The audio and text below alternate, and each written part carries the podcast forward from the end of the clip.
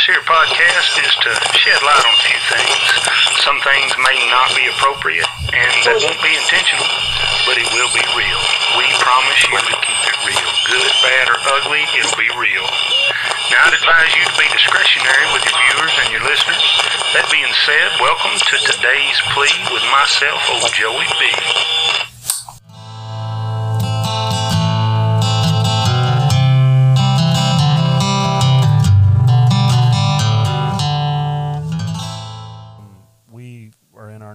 podcast studio now. Um, our the sponsor of our studio here is AG Reynolds Excavating. Uh, Aaron Reynolds has been in business for a long time. Um, when it comes to anything excavation, dirt work, drainage contractor, uh, any type of land leveling, any of that stuff, uh, he's a, a kind of guy that not only will do the work, but will when he leaves, it'll be exactly right. And uh, I'm proud to be working with him, you know, with our recording. All right, we are recording now. Um, so you go by Caleb Ryan Martin. Yeah, right? I, got, I got three first names. I'm not heard of. So 21 years old, right? Yeah. 21 years old, picking bluegrass, and I was uh, I came to the Arkansas Country Music Awards Mm-hmm. and um, actually listened to you play in the little VIP pre the area. VIP area. Yeah, yeah, it was, did a great job. Thank you. and uh, I was uh, I was impressed with how many people showed up. Yeah, I I, mean- wasn't really uh, knowing what to expect whenever I got there, so I just kind of Yeah, went in and yeah. It was. I figure there's probably what would you say 500, 600, somewhere in there, something like that. five hundred ish. I think that uh, I think that next year it'll be a bigger turnout. I think you know, kind of the first time everybody's like, Mhm. Yeah, um, maybe it'll really happen, maybe it won't. And Yeah. now that it's already happened once, People know what to expect. exactly, Yeah. yeah. yeah. So, so you drove in here from Nashville. Yeah, Today? I uh, left at four o'clock this morning, Four o'clock. Whew. and uh, yeah, And you're where are you playing this afternoon? playing at the Ozark Folk Center in Mountain View. Mountain View. Yeah, I've wanted to play there since I was twelve years old. Yeah, that's awesome. Yeah, When did you first start uh, picking a guitar or Uh, banjo or whatever you first started playing? Well, I started. I picked up the guitar whenever I was eight, and I started playing live music until I was twelve. wow. When I was twelve, yeah. Where did you start playing live? So, so I saw other musicians, uh, like solo musicians, play in Northwest Arkansas and stuff, and uh, there's this Mexican restaurant in our by our Mhm. house, and I didn't even ask if I could come play. I just showed up with my gear and said, "Can I play here?" And they let me play there, and so that's what I've been doing ever since. That's called taking initiative, right? Yeah, I guess. And I was 12, and my, I had to have my parents drive me and stuff. oh wow. Yeah. So your first time you played there, how'd it go? Oh, it was, it was terrible. Terrible. it was terrible. I only, I, I think I only knew about five or six songs. I played them over and over and over and over for like three hours. What kind of music was it that you were playing then? Um, I was really into. This is before I got into the whole bluegrass realm of guitar playing, but I was really into uh, like Eric Clapton, Mhm. Jimi Hendrix, stuff like that. Just like electric kind of Mhm. blues music. Yeah. What kind of guitar were you playing then? Oh, it was this like little. Uh, it was like a Squier, hmm and it was. Uh, I mean, it was like Electric or Yeah, it was an or- electric. Okay. that. My dad had bought from a pawn shop for like seventy-five bucks or something. Wow. Yeah. It's amazing how that's usually the story from everyone. You know what I mean? It's just like everybody starts with that Yeah. that seventy five dollar guitar that won't stay in tune, especially the little E string. Right. you turn, turn, turn, and it'll finally change a little bit. Yeah. No, I. Uh, those people that worked there, they were they sure were nice enough to bear through my terrible music. Well, I tell you, that's pretty impressive at 12 because, you know, uh, just having the courage, you know, to get in front of people. I don't know. Maybe, maybe at 12, it's that, it's that if you would have waited till 15 or 16, that's when like the fear would have set in. You just kind of at 12, you're just like, man, whatever. Well, yeah, I mean, I didn't have. Uh, I have two older brothers, and they both were super athletic and played sports and stuff, and I was never into that. I didn't have a whole lot of friends in school, and so I would just come home and play music. And then Yeah. one day I saw go out to dinner and stuff with my parents and see people playing music, and uh, thought, well, I could probably try that. Yeah. Yeah. Yeah. So, and then here you are. So Yeah. at 21, and you you were telling me earlier that you did a um, a stint on the West Coast. Did you say East Coast? Gulf Coast. Gulf Coast. Yeah. South. Gulf Coast, South. Yeah. So, uh, Six weeks. what? How long ago was that? Oh, it was about two years ago now, but I've I've toured a lot heavier stuff uh, since then. Now, uh, I do. I'm going to Canada in three weeks, touring up there.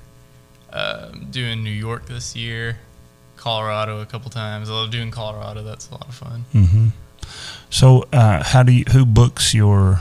How do you? I do it. You do it all on, do on your own? 200 shows a year. Wow! You just get on the phone. Mm. Oh, well, it's a it's a lot easier now because uh, because I've been doing it since I was twelve. At that point, it was just like oh, just cold calling and uh, Google search. yeah, like and then I got into the Fayetteville, Northwest Arkansas scene, and that uh, you know that helped me out a lot getting all the contacts there. And then uh, I go to Colorado three or four times a year and play out there, and I got a pretty good base built up out there. hmm And so it all starts with cold calling, and then you find out, uh, you know, the places to hit and the money makers Yeah. out there.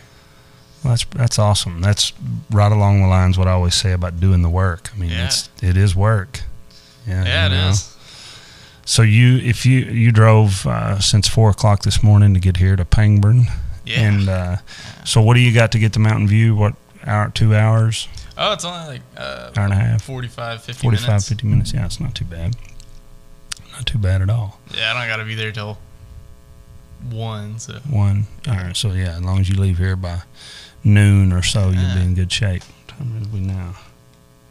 Oh yeah, we got plenty of time. oh yeah, My wife gave me this new Fitbit. I don't know if she's telling me I need to lose weight or what, but I'm at 2,656 steps so far. goodness. But- that's higher than I can count. Hey, this thing's not exactly accurate because watch right now it's at two two six five six. Yeah. Now it's at two six five eight, and I haven't taken a step. oh yeah, it's defective. Good thing I don't, if I play a guitar and put it on my right hand, I have about a million steps. There you go. Like, man, I've walked so much, my arm's tired. Yeah. no, thank you for having me on here today. Yeah, glad to, uh, man. You know, as I was saying earlier, this um, this podcast is really designed to. I mean, we're building audience. Our audience grows every time I have someone on. Grows a little bit. You know, it's how we want to do it. Um, we That's don't. How you do it. Yeah. We we still don't really know what we're doing. We just. Uh, um, you know, want to give some credit to AG Reynolds Excavation. Aaron Reynolds, uh, been in the excavation business for a long time. He's Oh, he sponsors our studio. Um, that's how we got the equipment and the good mics and, the- and that stuff. But um, yeah, he's um, he, me and him uh, got a lot of history together, and uh, he loves music. Just he's a super talented musician as well. Yeah. Uh, not everybody knows that, but um, the people that know understand what I'm saying. But uh, we it's geared toward getting this, giving a platform to uh, singer songwriters from here, or really from anywhere. But you know, we started out here in Arkansas to have a platform Sure. to be able to to first off, you know, really get to know you as a musician and as a person, Mm. but also to be able to get to know the songs that you've written, where they came from, what they're about. Because I know with me, you know, once I know the story behind a song, the song becomes a lot more important to me Yeah, yeah. than if I just heard the song. Yeah, I you think uh, I think that's kind of the way with a lot of uh, musicians and people uh, who go even listen to music is there's a desire for closeness. hmm I think you know, and uh, with music, when, yeah, if that makes any sense. Yeah, But, absolutely. yeah, Yeah. Because, you know, I mean, you hear a song that has a, you know, a catchy beat or a Mhm. good hook or whatever. That's great. But then when you know where it came from or the person that it came. But you know, we we talk about it on this podcast all the time. Kris Kristofferson, you know what I mean? Not Oh, the yeah. greatest singer in the world, not the most beautiful voice. His but- songwriting is phenomenal. oh yeah, Yeah. when you know him and know where it came from. Guy Clark. I don't know if you're a Guy oh, Clark yeah. fan. You know, it's just it's raw and gritty, and you know the story. And uh, um, my mind just went blank. What's the guy's name that has the fingers cut off? Um, on his right, on his guitar playing hand, uh, real songwriter from way back. Anyway, I'll think of it in a minute. But him, him as well. Just you know, those guys are. I love knowing where the song came from. Yeah, absolutely. So when you first started playing, did you uh, start writing right away? Or Are you writing now? Kind of Um, tell us a little about that. I tried to. I mean, um, only in the past few years have I gotten to a point in my songwriting where I feel like, you know, comfortable with it and I'm proud. Like, I can play that or look at it and be like, I'm proud of that, you know. But uh, I don't. I I really kind of consider myself more of a player than a writer because it'll take me like a month to write a song. That's just. I mean, you know, if I could sit down and write something, but I'll have to come back to it. Right. You know. Is that just from a a standpoint of trying to get it right, make it where you feel good about it, or just just as that's how it evolves? Well, I'll have uh, hundreds of different uh, ideas and lines to put in songs, and I guess this is the way I am about everything. like, I'll come back to it later. it ain't going anywhere. I'll finish it later. But whenever, usually, whenever I get them done, you know, I'm proud of them. Yeah. Because I know a lot of people are that way with writing, uh, whether it's writing books or literature or Yeah. songs or poems or whatever, they become obsessed. Yeah. You know, where it's like they can't let go of it to even let Uh. anyone hear it because they're Uh, got to get it perfect. See, that's the way I am about uh, playing. Like, Mhm. you know, I just want to find the most technical bluegrass song I can and just, you know, learn. I just, I love to learn, you know, on guitar. You said you started playing um, some Eric Clapton, and when you started, what age did you turn toward bluegrass? That was probably my early teens, I guess. Because, like I said, my grandparents from Mountain View, and a lot of my family's from Mountain Mhm. View, and so growing up going there, like all the time, uh, you know, that's folk music capital of the world, Mhm. and uh, just being part of the picking circles there, and I guess what really got me into it was one time I joined a picking circle in Mountain View, and I got booted out because I didn't know this bluegrass standard. And so at that point, I was just like, I'm going to learn all the damn bluegrass standards I can. And so, and then being in Fayetteville, there's a lot of kind of uh, bluegrass and jam band type stuff, Mhm. and just that's kind of Thrash grass, is that what it's called? I Is there any of that? or uh, uh, new grass type stuff. hmm Yeah, Yeah, speed grass. yeah, yeah. You gotta, you gotta be good. Yeah, Well, and it's you know Fayetteville, that whole southern Missouri. I mean, that's the Ozarks. You know, that's Yeah, the the that's hills. line through there. Yeah, the hills. yeah, They go all the way to the coast. yeah. Yeah, it's a good, good ridge across there. Uh, Yeah, so uh, it's not you know. It, that's the thing with Mountain View. Had you not had that experience, do you think you would have went the bluegrass route eventually anyway, or do you think that played a big role in it? Yeah, I do. I mean, like I think that did that did play a big role in it, but the musicians that I hung out with in Fayetteville were also gave me a lot of influence for, you know, the flat picking style of guitar playing and uh, stuff like that. Yeah. But- yeah, that's awesome. Because a lot of people don't get that experience with that bluegrass. You know, I mean, it just uh, it ends up just being the country and western, Yeah. you know, style, which is good, but uh, which is obviously what I grew up listening to, and uh, here in Arkansas. Well, uh, you want to do a little picking? Sure. I'll play you that one that I uh, played at the Arkansas Music Awards. It's an old traditional song.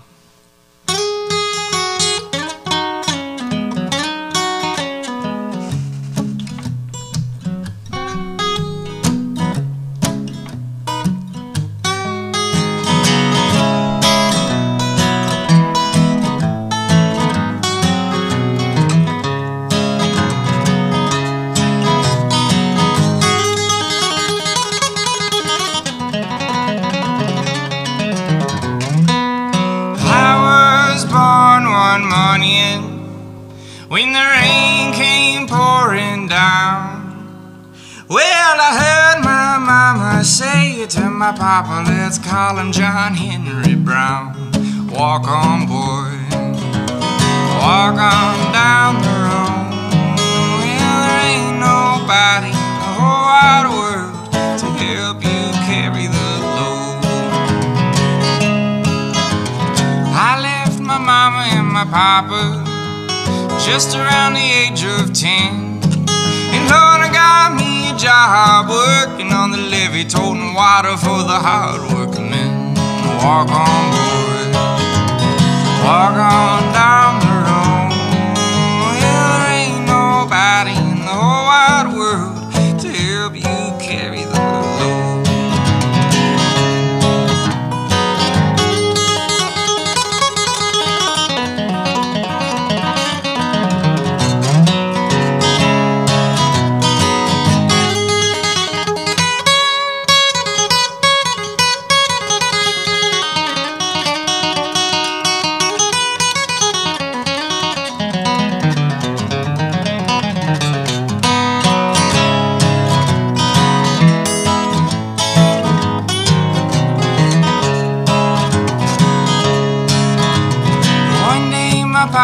told me some advice I'd like to give to you.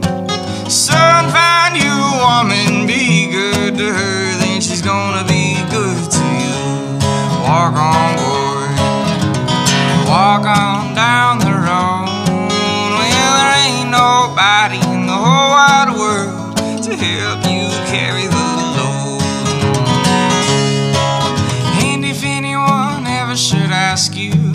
just uh, who is that fella Brown? Well, you can tell him I'm the fella who left my hammer smoking when he beat that old steam drill down. Walk on, boy, walk on down the road. Well, there ain't nobody in the whole damn world to help you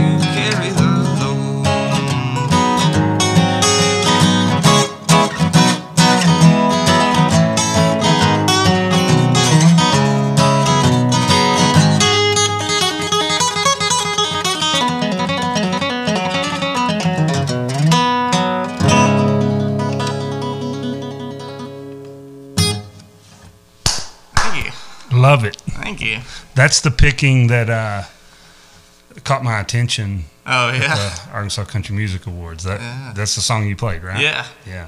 Yeah. Yeah, that's the one that got my attention. That's beautiful. Thank you. I see you like picking that Martin. Oh yeah, I do. Uh, I got the, I got that back in uh, September. I don't want to play anything else. Oh, I know. see that behind you? yeah, I saw that one. That's a uh, a Shenandoah. They Oh, only made them like in the 80s, I Yeah. think. But I got it in Austin, Texas at a little music shop called um, Strait Music. Spelled like George Strait, but it's Yeah. not anything like George Strait. well, uh, let's hear some stuff that you mind playing something you've written. Yeah. Yeah, I'd love to hear some stuff that you've Yeah. written. That uh, see. Always did. fascinates me. This one's not really a picking one, but this one's uh, one of the most recent ones I wrote. My uh, grandpa passed away back in January, and uh, he's kind of the one that inspired the song. See, does he play music, or did he play music? He was he was a pastor all his life. He was a Oh, Southern okay. Baptist pastor, and uh, oh, he's just one of the strongest men I ever met in my life. And how how old was he when he died? he was 75. Seventy-five. Yeah. Let's hear it.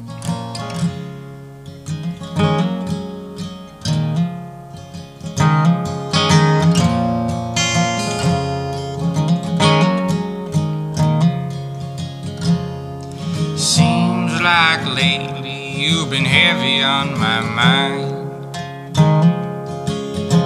And seeing you so fragile gets me balled up inside. And since you've been gone, things haven't felt the same. When the last thing you told me was I'll see you someday. You like the yank on your chain and pull on your leg and say, Don't take a wooden nickel from anyone you know. Love God and try hard, cause life is short, so do your part. When you get lost, know that God is always in your heart.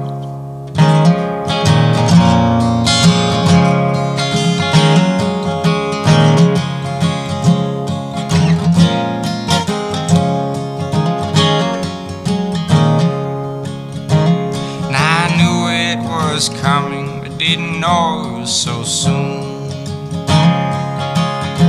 It's like a good chapter ending and the start of a new moon. I see a shadow in a box with love everywhere. And I can feel you looking down from up in the air. You taught me of God and the devil's hellfire. Seen you talk to the Lord using the breeze as a telephone wire. Always had said storing gold ain't grand. That's not what'll get you into the glory land.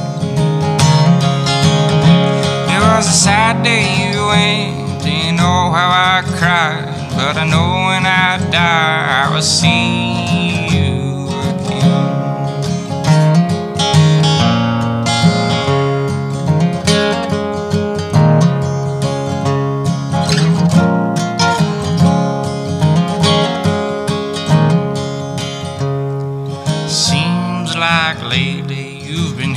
on my mind. And seeing you so fragile gets me balled up inside. And since you've been gone, things haven't felt the same. When the last thing you told me was, I'll see you someday.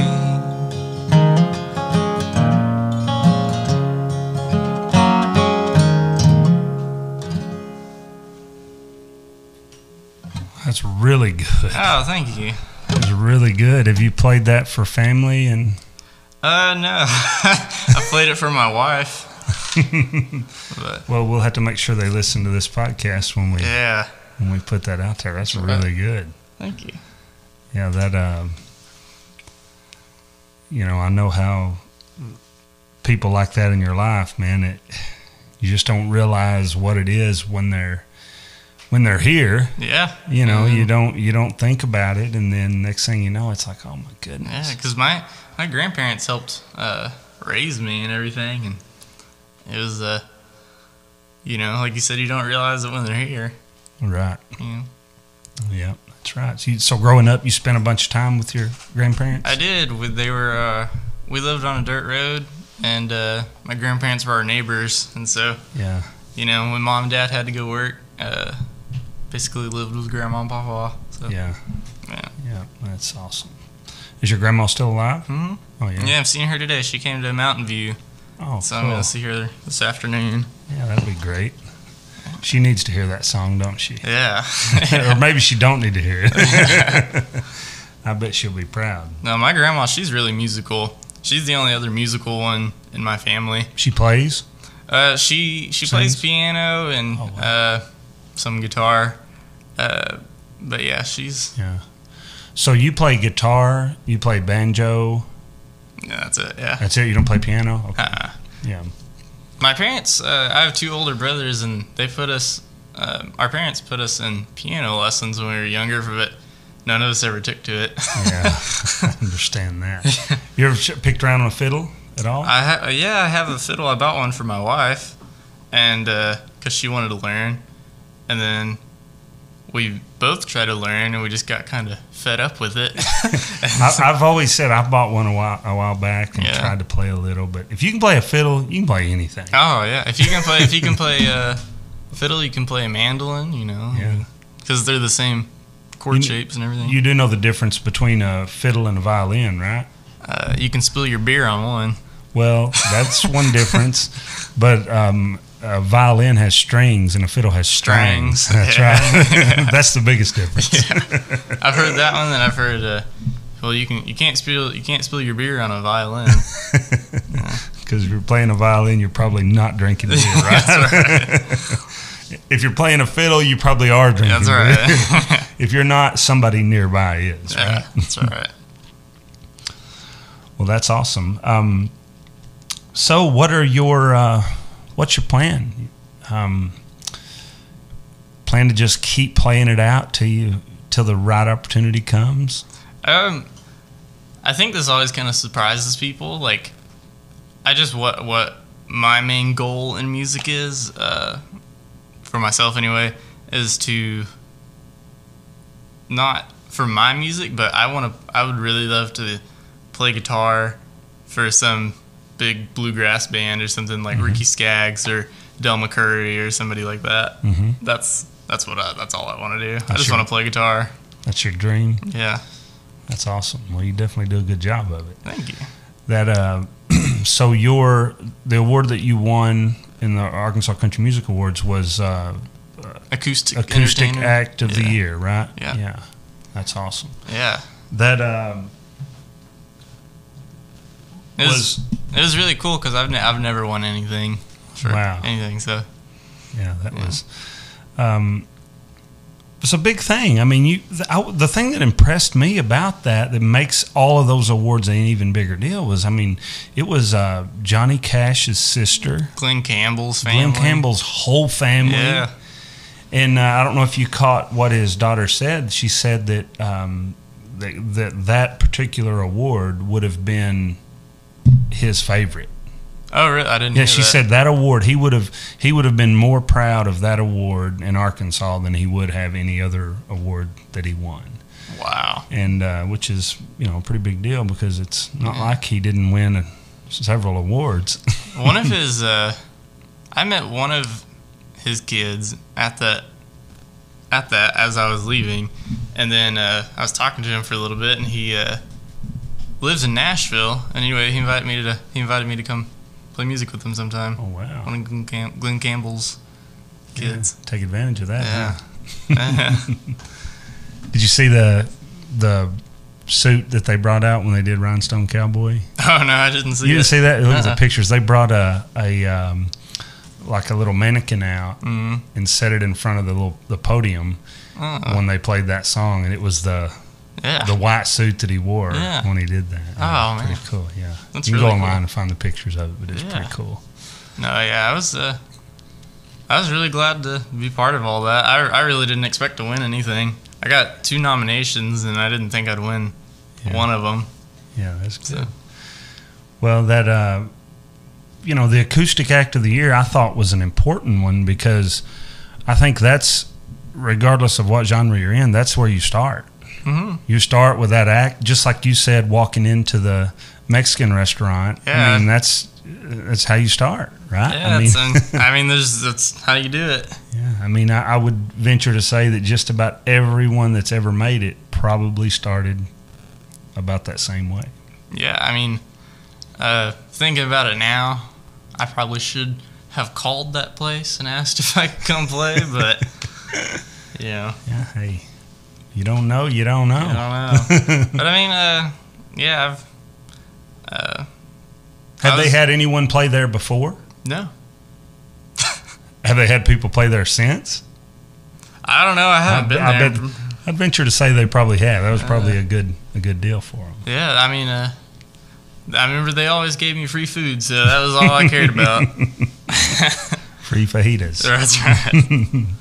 but yeah, that was. Uh, I was really excited to win that. I'm. Uh, yeah, like I said, I've never won an award for anything else. I played played t-ball when I was younger, and I never got a. I was supposed to get a trophy for that, and I still haven't ever got it. See that wasp fly across Yeah. there?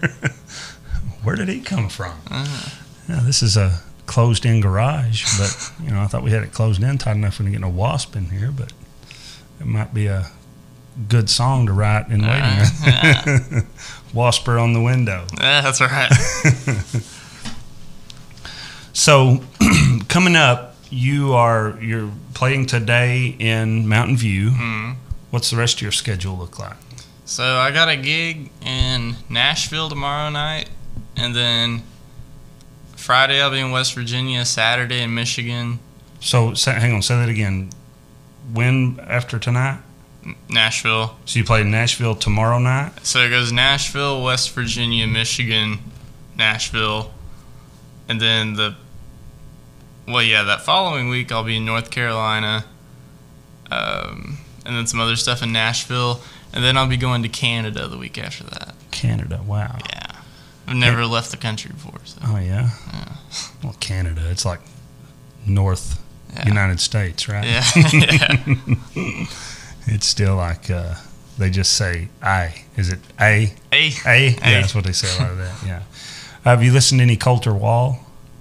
I know that name. Like I, I haven't listened to. He's a folk singer writer. He was actually in Conway not too long ago. I Oh, think. okay. He played in Conway, but yeah, he's you check him out. He is I've heard that name quite a bit. absolutely awesome. Yeah. But um, he's from Canada. Okay. Pretty sure. Hope that's right. There's a lot of really good Canadian musicians. hmm A lot of people, you know, it's just like that whole Appalachian sound Mhm. that's coming out of the woodworks now. I mean, I, Yeah. I, I don't think it's anything new. It's always Yeah. been there. Yeah. We just didn't have access to it. Yeah. I mean, and I have, I gotta thank my grandparents for getting me turned on to that stuff. You know, my like the Stanley brothers, Ralph Stanley, and Uh. Uh, all those big guys, Bill Monroe. You know, I wouldn't, I wouldn't know who those people are. You know, Yeah, it's not mainstream. no. Yeah, it's definitely it's definitely not what your average 21 year old is listening to. No, I mean, like I was listening to Dock Boggs and Roscoe Holcomb whenever I was like 14, and nobody knew who that was. That's awesome. they, hey, I'll tell you this: they did you a huge favor oh yeah, that I wish more, you know, 14 year old yeah. parents would do. I, uh, my wife kind of makes fun of me because I'm kind of a music snob about new modern music, no, like new country music, and I just that's terrible. it's terrible. It's very the good stuff is so few and far between now. You know, I sent you when you were driving. I sent you up that uh, that Kobe Langham, Mm. and uh, there's a there's a podcast. It's called uh, WB Walker's Old Soul Radio Oh Show. yeah, yeah. WB Austin, yeah. Well, that's Awesome. WB is the one that inspired me to do this podcast. Oh, cool. I mean, listening to his podcast, that's how uh, that's how I discovered Tyler Childers. yeah, Uh, WB Langham was on there. That guy I sent you this morning, um, Chelsea Nolan. yeah, You know, all of those. That's where I found. Uh, that's where I started listening to that, and um, I got to hearing his podcast, and and I was just like, well, there are people around here that are like that. hmm You know, I want I want those. I want to find those people, and I already knew some of them. I want to get. I want other people to know about them as well, and that's where. Actually, I had WB on. I forget uh, episode fourteen or somewhere in Oh, there. did you? I did an interview. We did it by phone. He wa- Ah. uh, wasn't able to make it here, but um, um, he talked about that. You know how the music he loved and and put out, or you know that that's what he wanted to give them people an outlet. Yeah, I think he won an Ameripolitan. Absolutely, DJ of the year. Yeah, Yep. Yeah.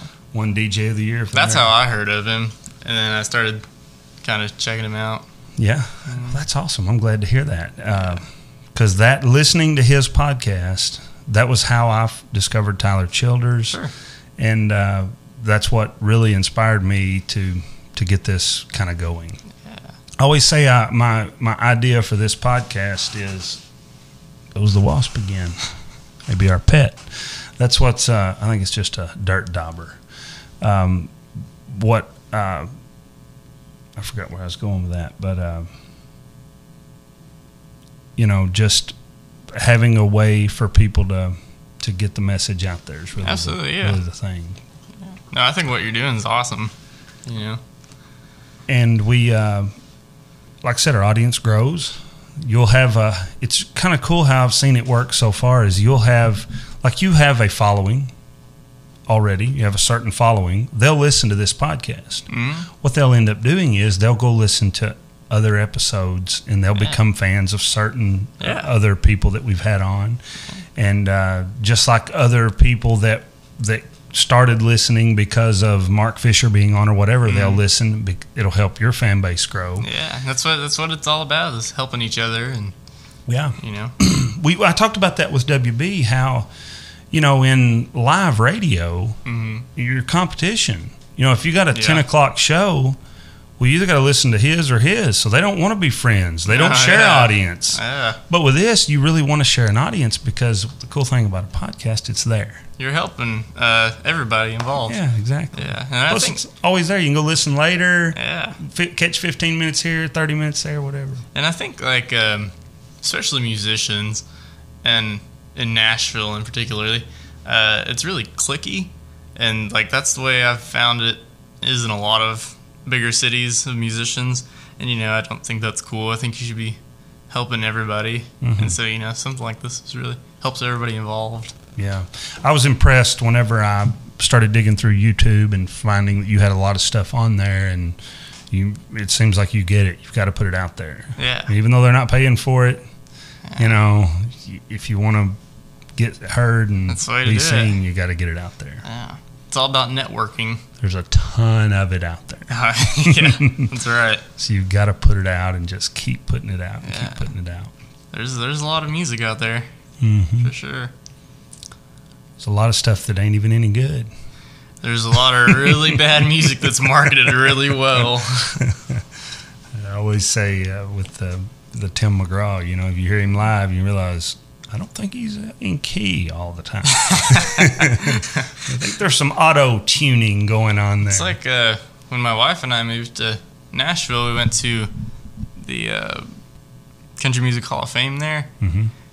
and I I left kind of like aggravated because you didn't see like none of the Highwaymen or no Willie or Waylon or anything like that. It was all like, and I'm not dogging new country musicians or anything, but it was all like Taylor Swift had her own room in there for her stuff, Yeah. and like I didn't I didn't understand it, but whenever I think of country music, I think of like David Allan Coe hmm and you know You think of outlaw, the Yeah. stuff that's just raw and gritty. Yeah. And listening to Sturgill Simpson, oh yeah, Sturgill's awesome. yeah, Yeah, that's that's the real deal now.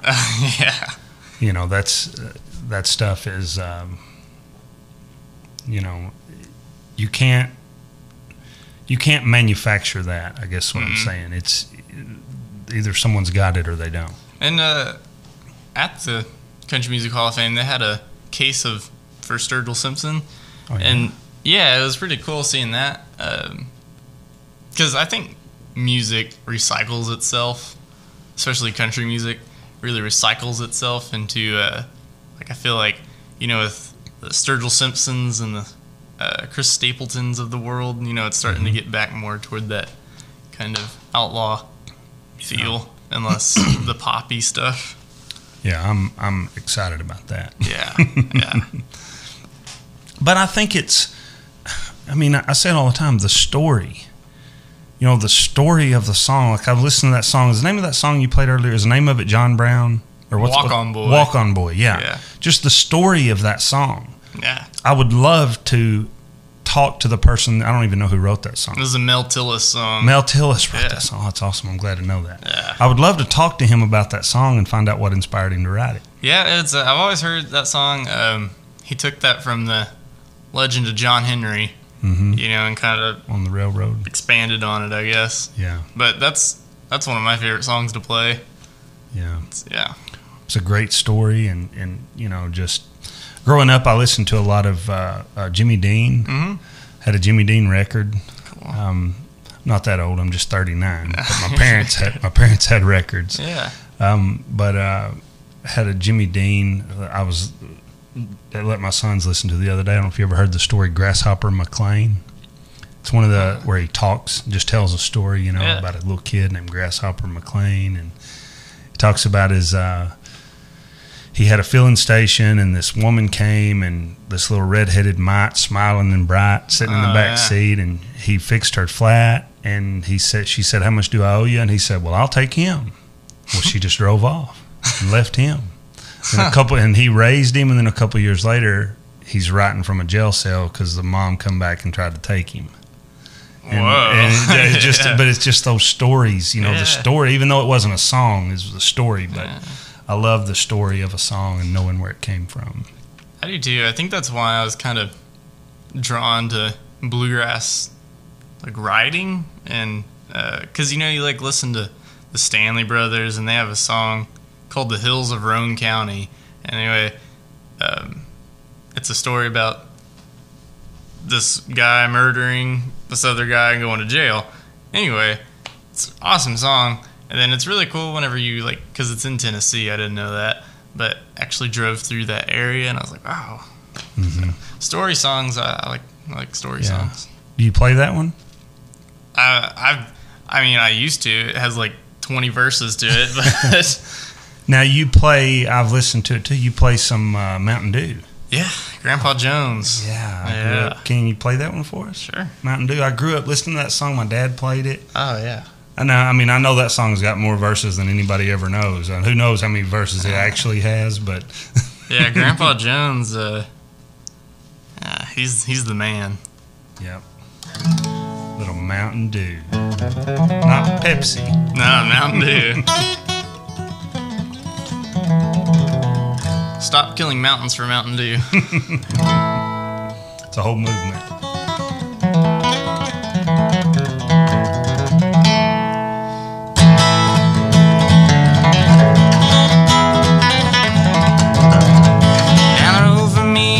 Old hollow tree where you lay down a dollar or two.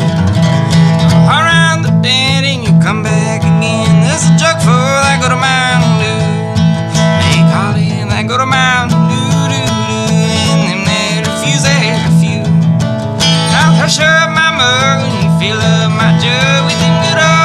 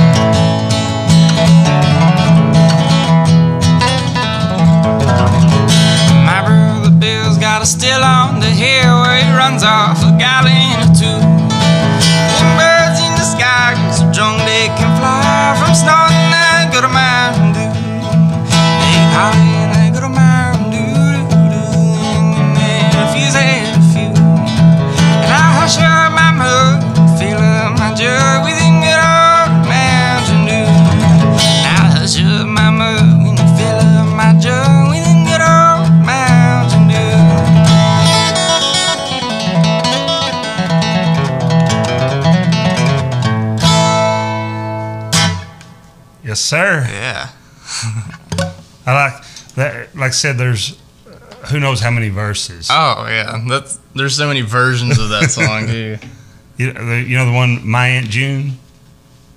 I don't know. He said, My Aunt June bought some brand new perfume, and it had so such a sweet, smelling fume. Yeah. to her surprise, when she had it analyzed, Yeah. wasn't nothing but a good old Mountain Dew. No, that song's that song's great. Um, you know who Jimmy Driftwood is? Uh, no. He wrote the song uh, "Battle of, Battle of New Orleans." Yes, I know that. 18 da, da, da, took a little so he uh he's the one that uh he lived in mountain view anyway there's a he has the jimmy driftwood barn it's a big thing there but anyway uh huge folk music figure and he was uh he was a high school teacher he was my grandma's high school teacher Oh wow. and uh, it's really cool hearing grandma talk about going to class and seeing jimmy driftwood Jimmy Driftwood. wow like oh man Well, uh, speaking of singers from towns, this is Pangburn, Mhm. Arkansas, that we're in. Um, you know the song um, "The Saints Go Marching In." yeah The guy that wrote that song's from here. really He actually died here whenever he. Wow. can't think of his name right now for some reason, but the Ah. guy that wrote that song, and I think he published or had something to do with the Heavenly Highway hymn book. yeah Um, The um, the song "I'll Fly Away" and "Rank Stranger" Yeah. is uh, the guy who wrote that lives in Bentonville. Oh, that's awesome. I didn't know that, but uh, his daughter. I was playing a show and his daughter was there, and she's like, "Why are you playing my dad's songs?" It's like, "What?" Ooh. And she's like, "Rank Stranger." My dad wrote that song, and I was like, "No way!" And she told me, and I was like, "Oh yeah, That's awesome. yeah." But it was really cool. All right, so that wraps up the first part with Caleb Ryan Martin. Don't forget to go and find part two of two. Uh, we got more uh, songs to come on part two, more singing and playing, and uh, hearing from a great uh, singer songwriter from Arkansas that has now moved to Nashville, Caleb Ryan Martin. Don't forget to check out part two. More to come.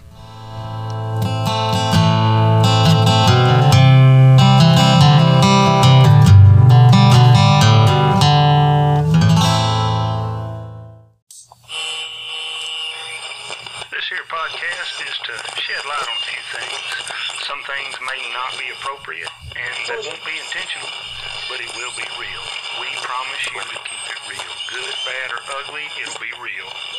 Now, I'd advise you to be discretionary with your viewers and your listeners. That being said, welcome to today's plea with myself, old Joey B.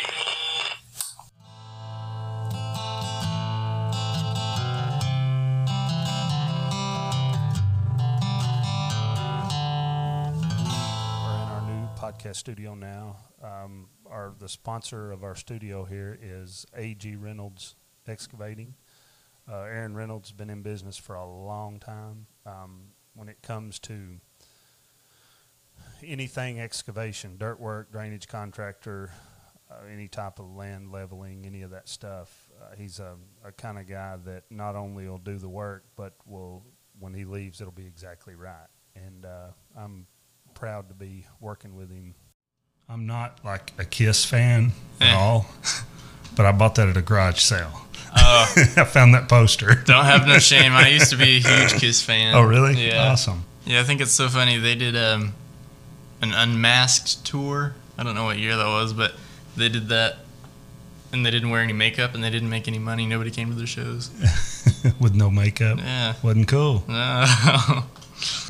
This Painter's a cool little town. I mean, it's Yeah. 601 people. Yeah. Um, we got a grocery store, ice cream shop, pizza I've- place. I've passed through here. Like I've played in Bald Knob quite a bit Yeah. and passed through here, um, but I've never stopped. I grew so- up right, right, right by Bald Knob. That's where I grew up. I didn't grow up here. Yeah, You know, you know who Barth is? yeah Barth Grayson. Yeah. Yeah. I did a podcast with Barth Grayson. Oh, really? Yeah. Cool. Yeah, he uh, he's had me out to play his festivals. Yeah. Did you play the Strawberry Jam this last time at all? I haven't played it in about two years. Mm-hmm. Yeah. They, uh, yeah, I had Barth on. He's running for mayor of Bald Yeah, that's what I heard. Yeah. and he uh, but on the if you go back and listen to that episode, it's there's so much neat information in there. He talks about Metallica Yeah. being out there, and he tells stories of meeting them and uh, them washing their hair in the well because he didn't have running water. It's just a lot of cool stuff. But yeah, Barth's a very very neat guy. Yeah.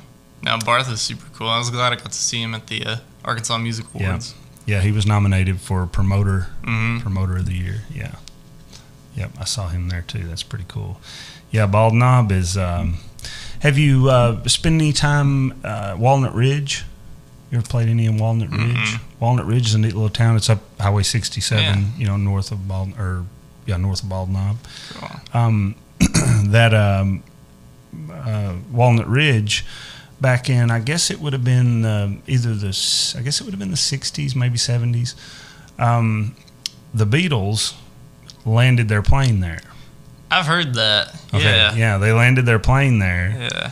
And uh, the city really makes a big to do about it now. They have this big festival. But here, what happened, what I, the way, the story that I've heard that happened was they landed their plane there to, they needed fuel. They were going to somewhere in Missouri Mhm. to an establishment. I'm not sure what that establishment was, but you can make an assumption. um, they got a car and drove to that establishment and left their plane there. And then when they were done at that establishment, they the car back to the plane, which was filled up, and they flew off. And that's all that happened.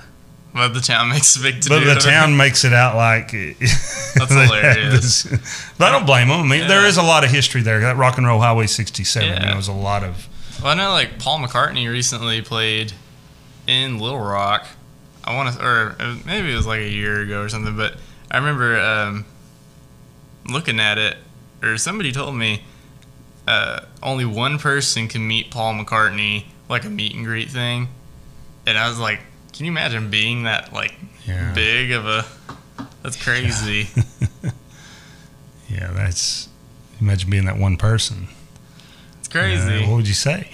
I don't know. I mean, Hey, how are yeah. you? Hey, what do you say? What, what Uh, questions do you ask? Say, hey, tell me where y'all went that night in Walnut Ridge. You'd be like, Walnut Ridge? What are you talking about? Yeah, that's funny. But it's Walnut Ridge is a very musical. Everything really, you know, coming from Bald Knob, Batesville, Mm, um, Walnut Ridge, you know, all that area through there, all, all the way to St. Louis. I mean, you ever really. been to Hardy? Yeah, Hardy. Hardy? I spent tons of time in Hardy growing Ah. up. My family, we had a membership at the Spring River Beach Club. Oh, cool. That's what it was called. Yeah. And we had a, a camping spot. Went up, spent a week or two every year, at least two weeks of the year. We would go Cool. stay on the Spring River. There's um I've played there twice. Anyway, this this was when I was like 16 or something. Mhm. But I thought I did a tour. Well, I did a tour. I did like Joplin, Springfield, Memphis, Hardy, and then back to Fayetteville or something like that. But I played the very first time I played there. Is this little cafe there. Uh-huh. I can't remember the name of it, but anyway, they gave me a. Was it like a train? Like a. There's a place we used to eat breakfast there. It was like, on this like main drag down there. It Yeah. was like toward the end of the street on the left. That might have been it. It was like a railroad train kind of. I don't remember. I remember it was next to this like voodoo store or something, and I was like, "Oh, I'm staying out of there. I don't have nightmares." That town's similar to Mountain View, right? Mhm. Kind of the way the old they've maintained it and the, The- shops. Well, the place I played in Hardy, they gave me a place to stay for the night, and it was this little, it was this like little B and B, and I think I was the only person staying there that night. But it was this old lady that ran it, and I think because I had really long hair at the time, she's she's like, you could stay here, but if you bring drugs or marijuana and alcohol into my house, I'm charging you two hundred dollars. Like, well, I don't have anything like that, so I guess we're good. She's probably speaking from experience. I don't know. And then and then I went and I dropped my stuff off there and went and played. And the place I played made me a burger. And I was walking back in, and the lady stopped me. She's like, "If you eat food in that room, I'm charging you two hundred dollars." Like, I guess I go eat in my car then.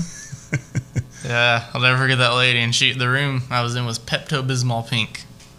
It was really funny. Yeah. So she was. Uh, they provided you the room, but she didn't want to do it for free. It sounds like. I don't she was looking for two hundred dollars. I was just ready to get out of there. Like- Uh, what's that movie? Uh, there's a movie, Better Off Dead. You ever seen that movie Mm. where the little mail boy is constantly chasing this guy down? He wants his two dollars because he hadn't paid them for the paper boy. yeah. He, see, everywhere he goes in town, this little boy's there, and he's like two dollars, and he don't he don't want to pay this kid his two dollars. Wow.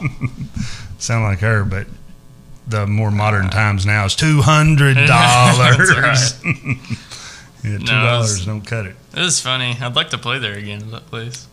Yeah, Hardy, Arkansas. I've got a lot of memories. I broke my arm there one time. Yeah. There was this uh, this little uh, where we camped like way down the hill here, and I'd been at the had this little rec center where you go play video games and shoot pool and stuff. And you walk around. You got to walk way around here and then down. Well, there was a little rail that I just jumped over that rail, and I'm going to run straight down this hill instead of around and down. Fall down. And, well, it was so steep. I started running, and I couldn't stop. You know, have you ever done that down a hill? Like you can't stop. And there was this huge ditch at the bottom. Oh. And my parents were down there in the campsite, and they they could see all this happening. And I'm running down this hill, basically falling, and I jump across this ditch and land face first in this gravel road. Oh, and I hit my elbow and cracked my elbow and had to have a cast and all that. oh man. landed on my face. I remember it like busted my teeth through my Uh. lip. Made I had a hole in my lip there, and I didn't have to have stitches or nothing. But memories of Hardy, Arkansas. Talking about that, my uh, my grandparents they have a fireplace in their house and it's a has tile on it. And uh, whenever I was four, I fell mouth open on this fireplace and knocked my teeth out. And so I was out, I was without teeth until I was probably like eight. Yeah. And then anyway, you look at it now. There's a bite mark in their fireplace. Oh wow. Yeah. I have a I have five boys, have 5 Mhm. sons, and my youngest son is seven, and he just got his when he was two. He jumped off the couch and landed just like you said Yeah. on a coffee table and broke these three teeth Yeah. out. We go to the dentist and they're like, "We could fix it, but you know, I mean, it's not like these he's They're gonna, gonna lose grow these back." teeth." Yeah. Yeah. So from the time he was two till just recently, he was like didn't have his front teeth. He was Yeah. forever without front teeth, kind of like you. Like no, my my brothers always told me I looked like Eddie Munster because I just had these. on the side. On Yeah. the. Yeah, that's how he was. But yeah, so when you um, you just when you make your run through, you know, when you make your rounds and you play in, do you you stay in hotel rooms? And what do you kind of tell us about that? um, I don't if I don't have to. Um, used to, I would only go places where I uh, knew I had somewhere to stay, like with friends or something. But um, I don't really do that anymore. I'm I've slept in enough gas station parking lots and rest areas, and uh, like I'll be all right. and that's what you do now? yeah, Just sleep in the car? unless I unless rest? I know somebody in that town, yeah, or else I'll sleep on their couch or something. yeah. But yeah, I've uh, always got my handy dandy pocket knife with me, and uh, You ever sleep in a hammock? Just set I- it when it's cool. you know, I actually have a hammock in my car that I've always thought about doing. Like on this tour, I'm gonna find somewhere and put up a hammock, but I never do. Yeah. So, Probably by the time the show's over, you're like exhausted and ready to yeah. ready to just you're not, not There set a hammock. uh, last time I toured out in Colorado, it was the first of March, and I was playing up in northern Wyoming, and I thought, and I was I was gonna drive back to Boulder to my friend's house, and that was like a four-hour drive or something. I thought, no, I'm just gonna sleep in my car, and it was negative 13 degrees outside, and I pulled into a camp campground and paid like ten dollars or something and slept in negative 13 degree weather in Wyoming. Left your car running? No, I just Oh, you didn't? Just turn, I turned up? it on every once in a while. But, oh man, that was brutal. Yeah, negative 13 is really cold. It was really cold. Yeah. Yeah, it was. It was the wind was blowing like a. I didn't know this, but uh, like semis that are empty, uh, they're not supposed to drive on uh, roads up there because it's so windy and they'll be knocked over. Oh, it's easy to blow, though. Yeah, and so I went for a mile while I was up there and saw. I, I, I didn't even gotten a mile and saw five huge semis blowing over just down the road. Wow. It was crazy. I wouldn't want to be driving a semi through there. That'd No. be scary. Well, uh, let's hear some more picking. All right. Let's see.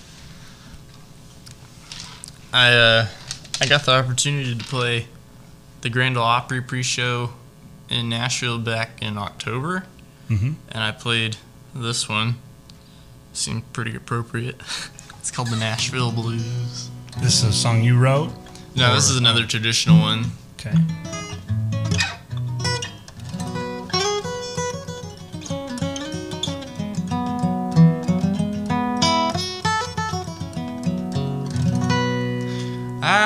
Got the blues, they're my Nashville blues, and I've got the blues, they're Nashville blues. Ain't got no hat, and I've got no shoes. These people hate, though they treat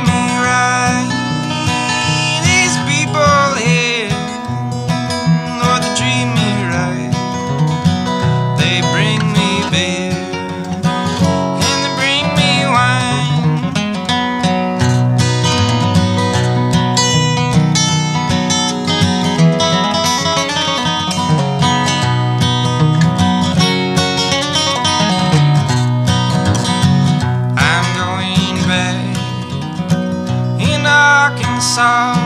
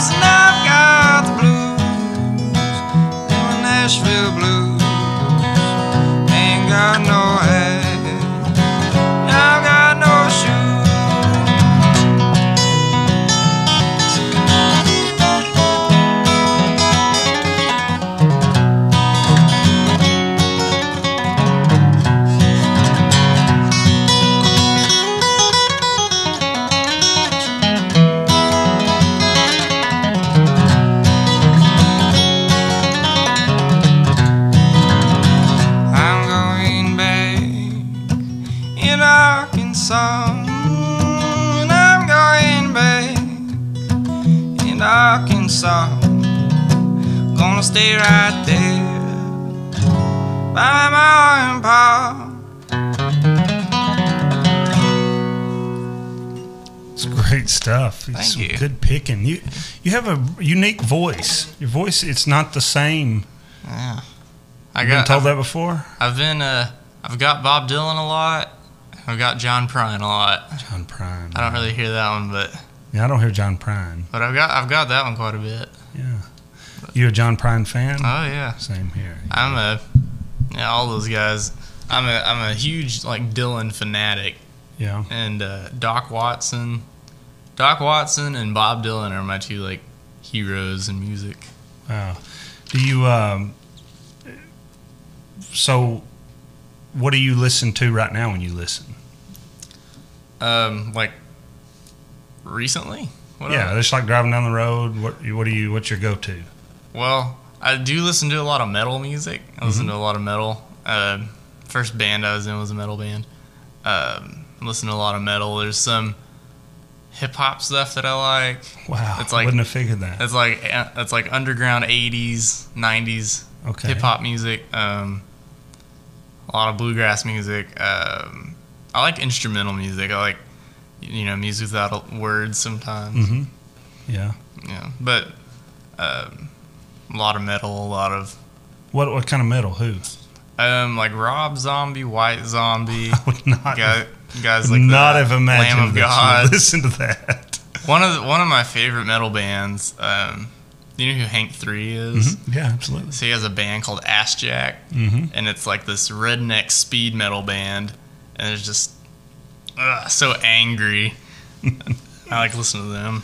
Have you ever listened to any Wheeler Walker Jr.? Oh man, I follow that guy on Instagram. Okay. cracks me so up. all right, I follow him on Instagram too.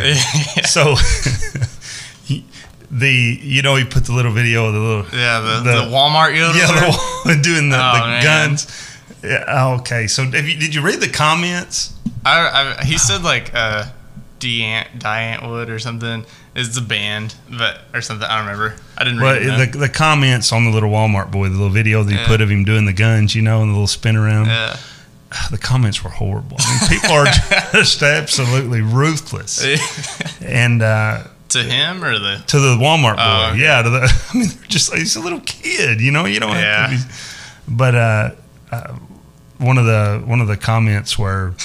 Um, Something like you little shit. Go listen to Hank three for two years and then come back and put out an album or something like that. there was um oh man when that kid came out he uh he actually he put out a song he he covered lovesick blues by hank williams and i listened to it and it's uh there's a fake drum beat in it and it's like ah no Oh, there's yeah. Don't, does not need to be a drum beat in that, right? But that's that's you know, and the, it's the whole thing that's wrong. I mean, that's not real. yeah That stuff I mean, is not real. Yeah, I played. Um, uh, I didn't know this was the thing until the other day, but CMA Fest in Nashville, Mhm. and uh, I'm buddies with uh, Ricky Skaggs' guitar player, and they're one of the headlining bands, and they opened for Florida Georgia Line and Luke Bryan, and I was asking him about it, and he said they got there, and uh, none of their instrumentation was real. Like they had banjos and fiddles, uh, like Luke Bryan and them, and they had, but it was on like a keyboard, and it was all like fake, and they had a, they didn't have a drummer, they didn't have a real drummer or anything. And I was like, ah man, It's like who's okay with that? yeah, like I mean, I, I can understand maybe the the fan base being okay with it because Mm-hmm. the sound is the sound. But if I'm a band, I'm like, no, we're not doing that. Yeah. No, Yeah. no, I'm not doing that. I mean, I just think people don't really either. I mean, people like what's catchy, but I don't think people really dig to find what they really, really like anymore. You mm-hmm. know, it's just kind of yeah. mainstream. Well, are you an. Eric Church fan? Yeah, I've, I've, I mean, I've heard his music and stuff. I've listened to an interview with him, and I shared it on our page the other day. And he was talking about how, you know, if how that can't that type of music will, will not sustain itself. No, He said, as a as an artist, you know, for the short run that might be okay, but for the long run, you need to be who you are. Yeah. If you want to make it for the long run, you need to be who you are. And yeah, And I think using electronic thing like having a keyboard player as a banjo and fiddle and stuff like that, that and not a real drummer that cuts out the musicians. It cancels everything out Yeah. in my book. It may turn it off. Mute. And like, you know, I'm not dogging anybody, but I mean, you know, if you're gonna play music, you know, play music. Yeah, I agree. I agree. I love to watch live music and just to watch the the fiddle player, you know what I mean, and just to watch the whole everything coming together. You know, watch Yeah. the keeping up because I can't. I've all, I mean I've played and I've beat around on a guitar since I was a little kid, but I've played by I've only played by myself. Hmm. That's why I can't play with anyone else because I mean you know. But to watch a band and what that really impresses me to watch them be able to keep time and keep up and, and play with uh, Tight with each other, everybody yeah. together. Yeah. When anytime I play with someone, I'll always be like, "Yeah, you go ahead. I'll play in a minute when you're done," because I just you know hadn't hadn't put the time and effort in to be able to do that. But yeah, there's a. I don't know, like you know, I don't try to ever dog anybody because you know. Everybody, I think, creative expression. You know, that's probably like, you know, they're. I don't ever dog anybody's art or anything, but, um, you know, I just I just don't get it. Why well. like that's popular, but Hey, I'm with you. I don't get it either. I do not get it either because it's just like the songwriting, you know. When on a few the podcast that I had Austin Stewart on, you know, I asked him. I said, if I was to write down a topic and push it over to you and say, write a song about this, he'd say, I can't. He said, I would tell you I can't do it. And not only would I tell you that I can, I wouldn't do it. yeah, You know, the song's got to come naturally. the right time, the right place, and the right experience, the right Yeah. emotion. And uh, some of these pop songs now, they're they don't really cause an emotion. No, and if it yeah. doesn't cause an emotion, what is it? Yeah, a lot of it's just kind of um, cookie cutter country music. Well, and two, music. I'm- I've been thinking about this a lot lately. They'll try to take every subject and, and put it into one song. like a Frankenstein. yes. Where the real talented songwriters, Tyler Childers is the best at this. He can take one of those little small pieces and Oh, make this whole yeah. thing, this whole story about that one small piece. And now you'll have a, you'll hear a country song that'll have, you know, on a tailgate on a back road with a beer and all that in one song. It's like, man, yeah, and that's be a little creative. since since living in Nashville, I've realized like, you know, there's songwriters over there that can write circles around me, but um, like, like I look at some of these people and I'm like, why aren't why are these people big? Why aren't you huge? You know, your songs are amazing. I'd give my big toe to write some Mm-hmm. songs like those people, but Yeah, it's and it's not all that cookie cutter kind of pop country stuff. It's actual songs. yeah. Yeah. But it's there's not a, a lot of it. There's not a story behind it. Yeah. If you ask them what's the story behind it, there's no story. The song that you wrote about your grandfather, there's a story behind that song, right? Mm-hmm. I mean, there's a Yeah. there's an emotion, there's a a sense, there's a you know, not just a certain moment, but a whole lifetime Mm-hmm. of a story behind that song. That's important, you know, and where you know when you're trying to run an assembly line, Yeah. you know, Yeah. I mean. you get the same fender that comes off the line every time, Yeah. Exactly. yeah. you know. so- No, and I think also during the '80s, you know, like a lot of hair bands and stuff were popular, and uh, Sunset Boulevard. yeah, and all those guys lived out in L.A. And then after that kind of died out, they all moved to Nashville. hmm That's totally what happened. I know. I've said that before. Nashville has really become like Hollywood. Yeah. I mean, not not the exact same, but a, a very similar version Yeah. of Hollywood, which I love. Nashville. Nashville is a great city. Oh yeah. It's a place that you know a lot of old areas there that have Mhm. been maintained. That's not been demolished and Yeah. not run down. But um, yeah, it's a it's a nice place. But um, well, let's hear uh, let's hear some more stuff that you've written. All right. You care to do some more? You No, your original stuff. You know, I always say a lot of these musicians that come out of uh, eastern Kentucky in that area, there's they got about ten years on the rest of the world. You know, Mhm. like forty there is like fifty here. Yeah. You know, yeah. thirty there. I, you, Yeah. you make me make me think of that. You're beyond your age. Oh, thanks. You know, for uh, especially for songwriting. But uh, let's hear some more. I want to hear some All more right. picking, man. I want Yeah. to just keep playing. I want to hear. s- I'll play. Um, this is another original one, but this is uh, about my great uncle who was hit by a train, and the other one who was attacked by a bear. Seventy percent truth Oh, hundred percent. no, it's hundred percent true. I always say a good country song is only seventy percent true, and you they can't tell you which percentages are which. No, people don't believe me. That really happened.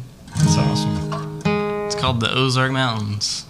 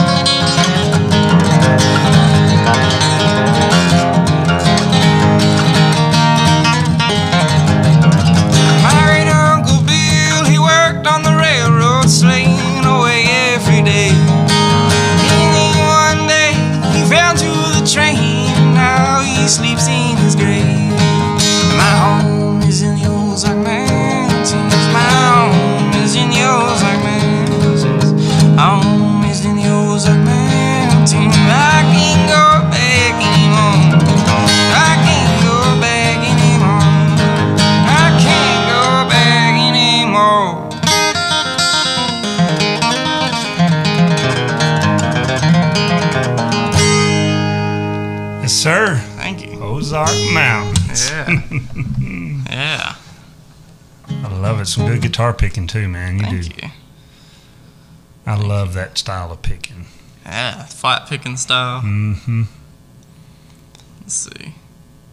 You want to hear another one? Yeah, I want to hear a hundred more. This one's for all the working people. Original. No, this one's a John Hartford song. Okay.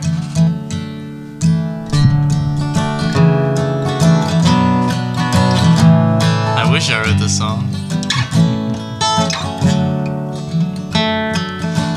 Someday, my baby, when I'm a man, the others will have taught me the best that they can. They'll sell me a suit and they'll cut off my hair and they'll send me to work in a tall building. So it's goodbye to the sunshine, goodbye to the dew, goodbye to the flower, and it's goodbye to you. I'm off to subway and I must not be late. I'm going to work in a tall building.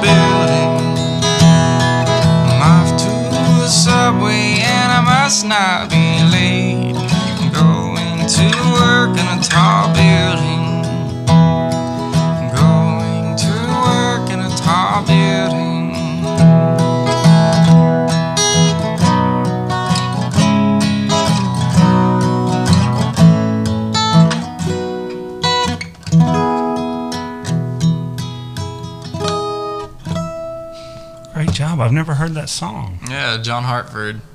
I believe I've never heard that. Yeah.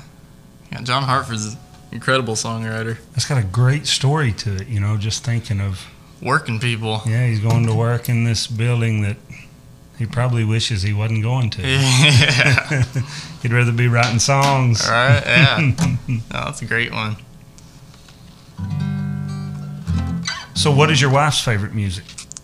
She likes. Um, we like a lot of the same stuff. She likes. Uh, her favorite band's the Avett Brothers. Okay. She likes them a lot. Um, like acoustic, folksy type stuff. hmm Yeah. What's her favorite song you play?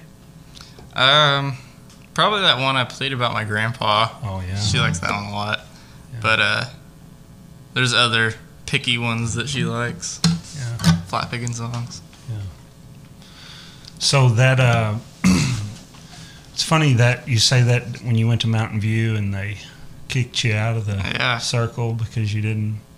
How'd they kick you out? Well, they said, "Get out of here." Well, no, you suck. Or they're, uh, no, it was just kind of because I mean I can play the song now, but uh, I don't know. I was over there trying to play like Atlantic City or something, and they're just like, "That's not a bluegrass song," and it's little stuff like that. And I was like, "I'm just gonna go learn all these songs that I can," and it's amazing because that moment in time influenced everything you play right now, right? yeah, I mean, if you subtracted that event out, what direction would you have went? I don't know. Probably Who knows? I don't know. But yeah, the song they were playing was uh it's called Blackberry Blossom. And I used to think this song was so hard. Now I think it's like super easy, but it's uh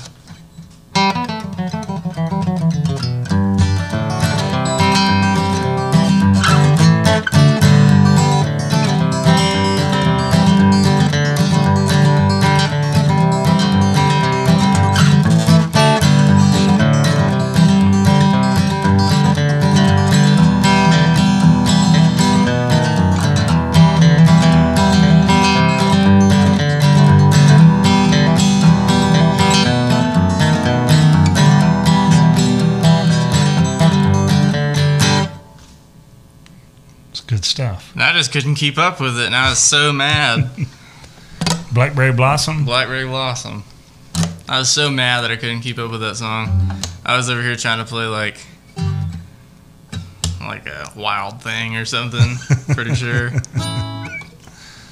That's amazing. I love those stories. I love them. Yeah. Just knowing that that's, you know, kind of a paradigm shift, you know, at that at that point. I'm glad it was that and not trying to hit the beats on the thing for the Luke Bryan. oh man. No, but uh, I really, uh, I really like the music I play and everything, and um, I just want to be able to play guitar keep picking